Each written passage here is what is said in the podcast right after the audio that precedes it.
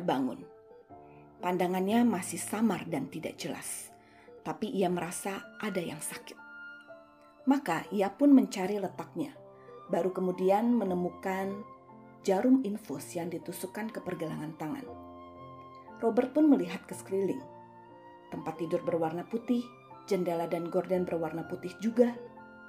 Ya, ia yakin 100% saat ini berada di rumah sakit. Robert memejamkan mata, mengusap wajahnya dengan lesu. Berarti ia masih hidup dan bernafas. Kenapa? Padahal ia sudah lompat dari rooftop itu. Ia yakin benar telah melepaskan pegangan pada palang besinya dan merasa telah jatuh dari hotel tertinggi di Jakarta itu. Tapi kenapa sekarang ia malah terbaring di rumah sakit? Robert mencoba menilik suasananya kembali. Sunyi sepi tidak ada siapa-siapa. Pun gelap karena hari tampaknya masih malam.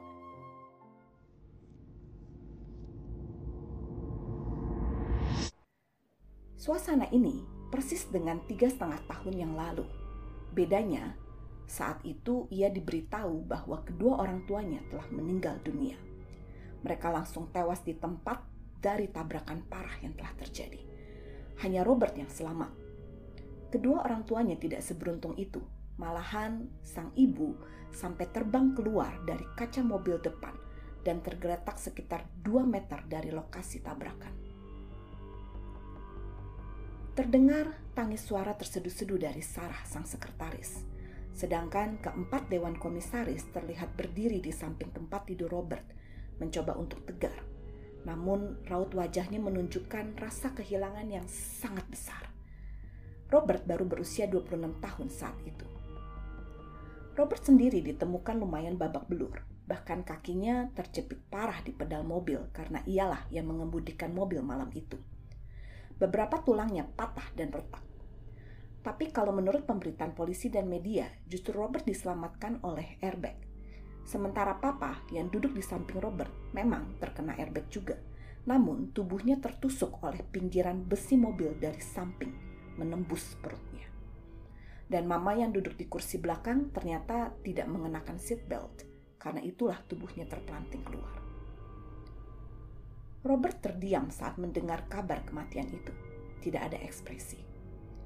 Baik saat dokter memberitahunya, juga saat Sarah dan keempat dewan komisaris berbicara. Robert membisu. Dokter sempat memanggil-manggil. Pak Robert? Pak Robert? Di awal, Robert tidak menjawab. Baru di panggilan ketiga, ia menjawab dengan sorotan matanya. Sebuah pandangan yang kosong. Dokter kemudian memanggil perawat dan menginstruksikan sesuatu. Sementara itu, Pak Wahyu, salah seorang dewan komisaris berkata, "Robert, tidak apa ya? Tidak apa. Kamu tidak sendirian. Kamu punya kami semua." Robert meresponsnya masih dengan menatap hampa dan kosong membuat Pak Wahyu menyambung perkataannya. Robert, kami akan selalu berada di sampingmu. Kami berjanji, kami akan selalu berusaha.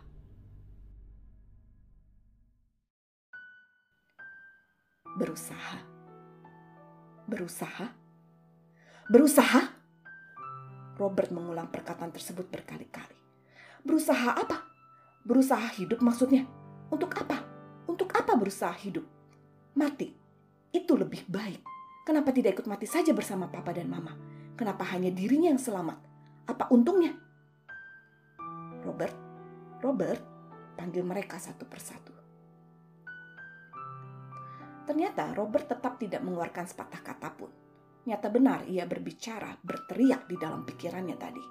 Ia marah di dalam, berteriak di dalam, namun ekspresi mukanya membatu. Sejak malam itu Robert berubah. Ia tidak lagi hidup, tapi sunyi. Wajahnya tidak pernah tersenyum kembali, tapi memandang kosong ke depan. Ia tidak banyak bersuara, tidak banyak mengungkapkan, apalagi berbicara. Ia membisu.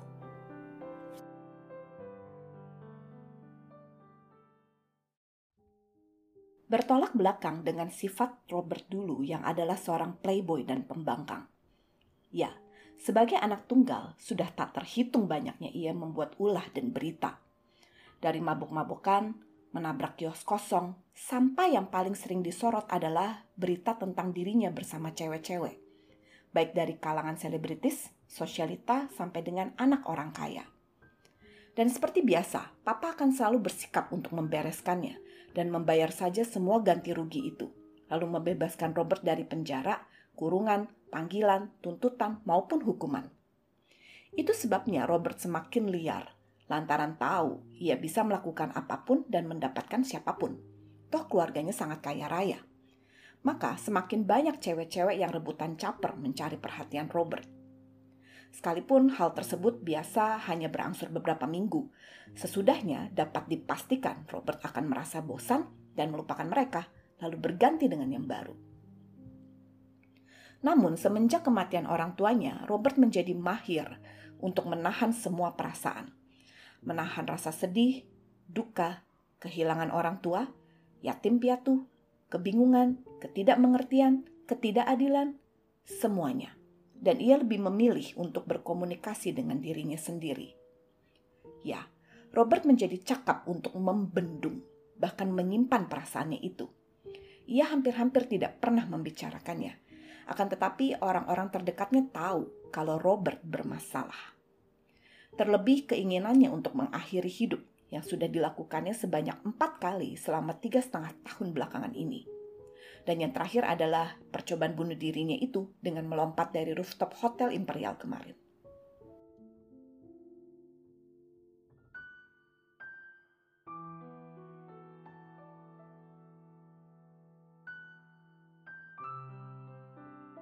Percobaan pertama, Robert melakukannya beberapa minggu setelah kematian kedua orang tuanya, di saat ia sudah diperbolehkan pulang ke rumah. Namun, begitu Robert memasuki rumah besarnya itu, rumah yang dulu selalu ia pamerkan kepada kalayak juga cewek-ceweknya dengan perasaan bangga, saat itu Robert bersikap lain. Ia meminta Pak Asep supirnya dan Bu Ati istrinya yang memang bekerja dan tinggal di rumah besar itu sejak Robert masih bayi untuk mengeluarkan dan menyingkirkan semua barang-barang kedua orang tuanya. Semua. Maka boleh dibilang rumah itu menjadi kosong tidak lagi syarat dengan furniture dan perabotan yang dikoleksi oleh mamanya dulu. Akan tetapi, Pak Asep dan Bu Atit tidak teliti. Memang, barang-barang tersebut tidak dibuang, hanya disingkirkan ke gudang bawah. Namun ternyata mereka ketinggalan sebuah barang di ruang kerja papa, yaitu sebuah frame foto keluarga yang tersembunyi di balik lemari kaca. Sehingga waktu Robert masuk dan melihatnya, serta merta memorinya terhantam oleh kejadian sebelum tabrakan. Adegan terakhir bersama orang tuanya, kemudian berlanjut saat mereka marah maupun bersedih. Membuat Robert memegang kepalanya saking gak tahan, terasa sakit sekali. Jantungnya berdetak sangat kencang sampai ia dapat mendengarnya. Namun Robert tidak bersuara atau berteriak. Ia hanya memegang kepala dengan kedua tangan sambil duduk berlutut. Akhirnya yang Robert lakukan untuk menghentikan semua itu adalah ia mengambil gunting tajam lalu membeset pergelangan tangannya berulang-ulang kali. Namun dikarenakan yang timbul malah rasa perih, Robert pun menikam lambungnya sendiri.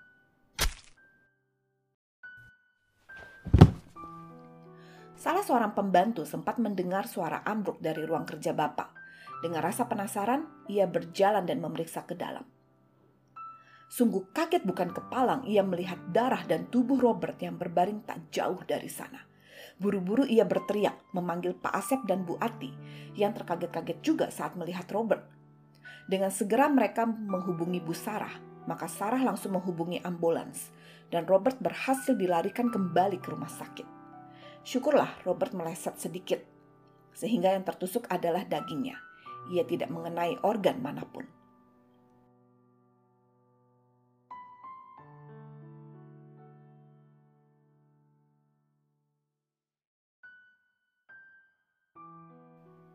Percobaan bunuh diri kedua terjadi di dalam mobilnya dengan menenggak narkoba.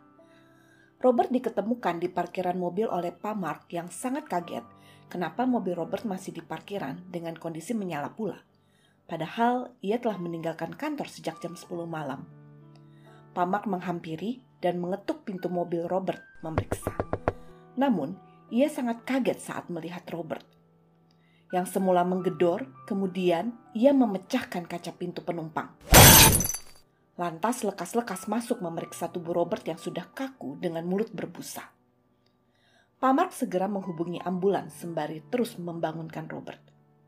Begitu ambulans tiba, Robert langsung dibawa ke dalam mobil dan dilakukan tindakan sepanjang perjalanan ke rumah sakit.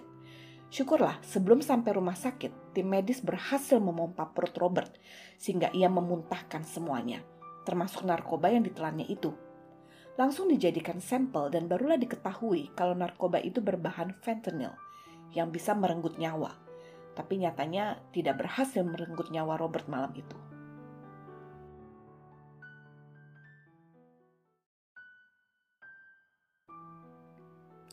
Lalu percobaan bunuh diri ketiga terjadi belum lama, sekitar 10 bulan yang lalu. Robert berjalan kaki di tengah-tengah rel kereta api, menuju kereta yang sedang berjalan. Meski telah diklakson, tapi Robert tidak minggir juga. Ia terus berjalan mendekat dan mendekat menjadi sangat dekat.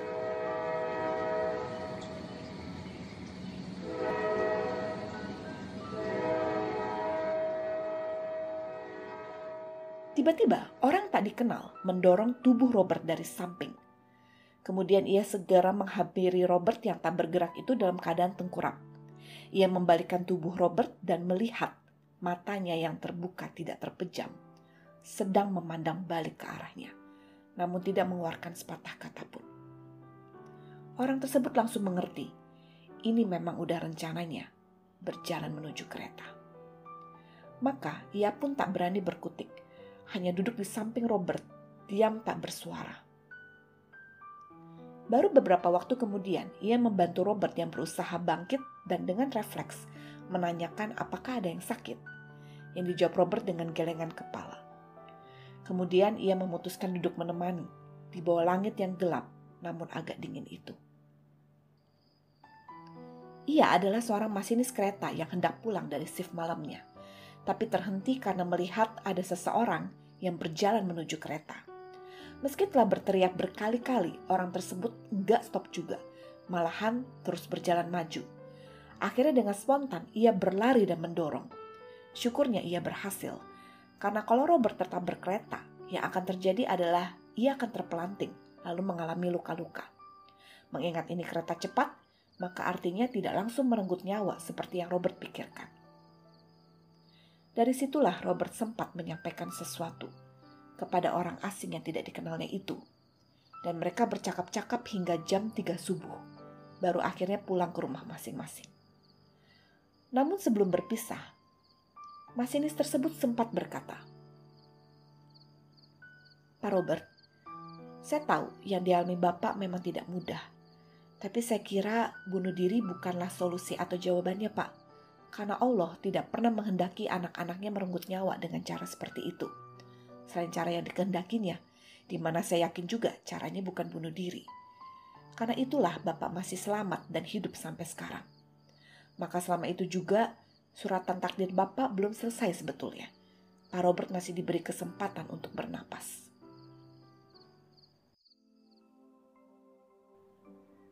Belum selesai, masih diberi kesempatan ujar Robert lirih dan pelan di dalam kamar rumah sakitnya malam itu.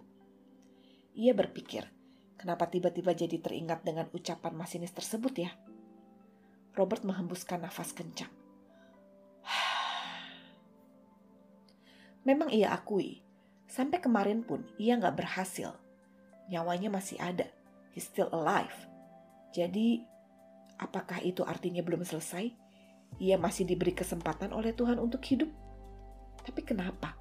Untuk apa? Mati. Itu lebih baik. Robert duduk diam di tempat tidurnya, memandang jauh lewat jendela rumah sakit.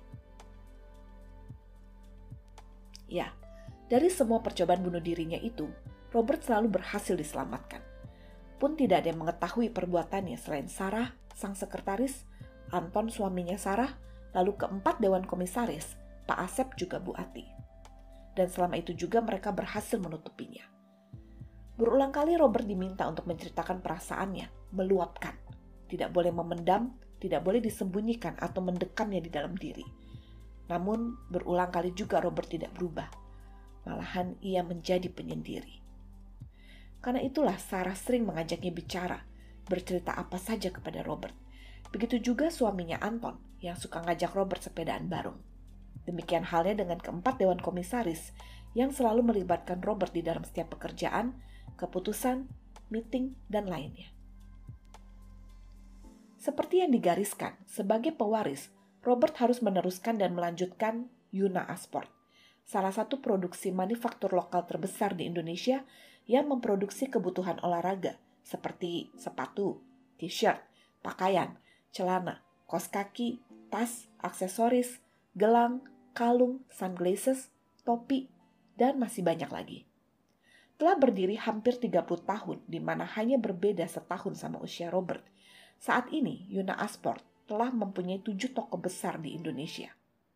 Tiga di Mall Jakarta, dua di Mall Tangerang, lalu di Surabaya dan Bali. Serta puluhan toko lain yang dalam bentuk stokis telah tersebar di berbagai kota. Itu sebabnya Yuna Asport termasuk sebagai salah satu perusahaan lokal terbesar di Indonesia. Dengan nilai perusahaannya mencapai ratusan miliar rupiah, membuat Robert Yunaa menjadi salah satu orang terkaya di Indonesia. Tapi ya, apalah gunanya sekarang? Punya uang dan menjadi orang terkaya? Gak ada. Gak ada gunanya. Ia telah dikutuk hidup sendirian begini. Jadi untuk apa lagi bekerja dan berusaha? Lagi pula, tidak ada yang akan bersamanya, menemaninya, bergembira bersama, maupun berantem dengannya. Ia telah dikutuk hidup sendirian begini. Jadi apalah gunanya lagi hidup? Mati. Itu lebih baik.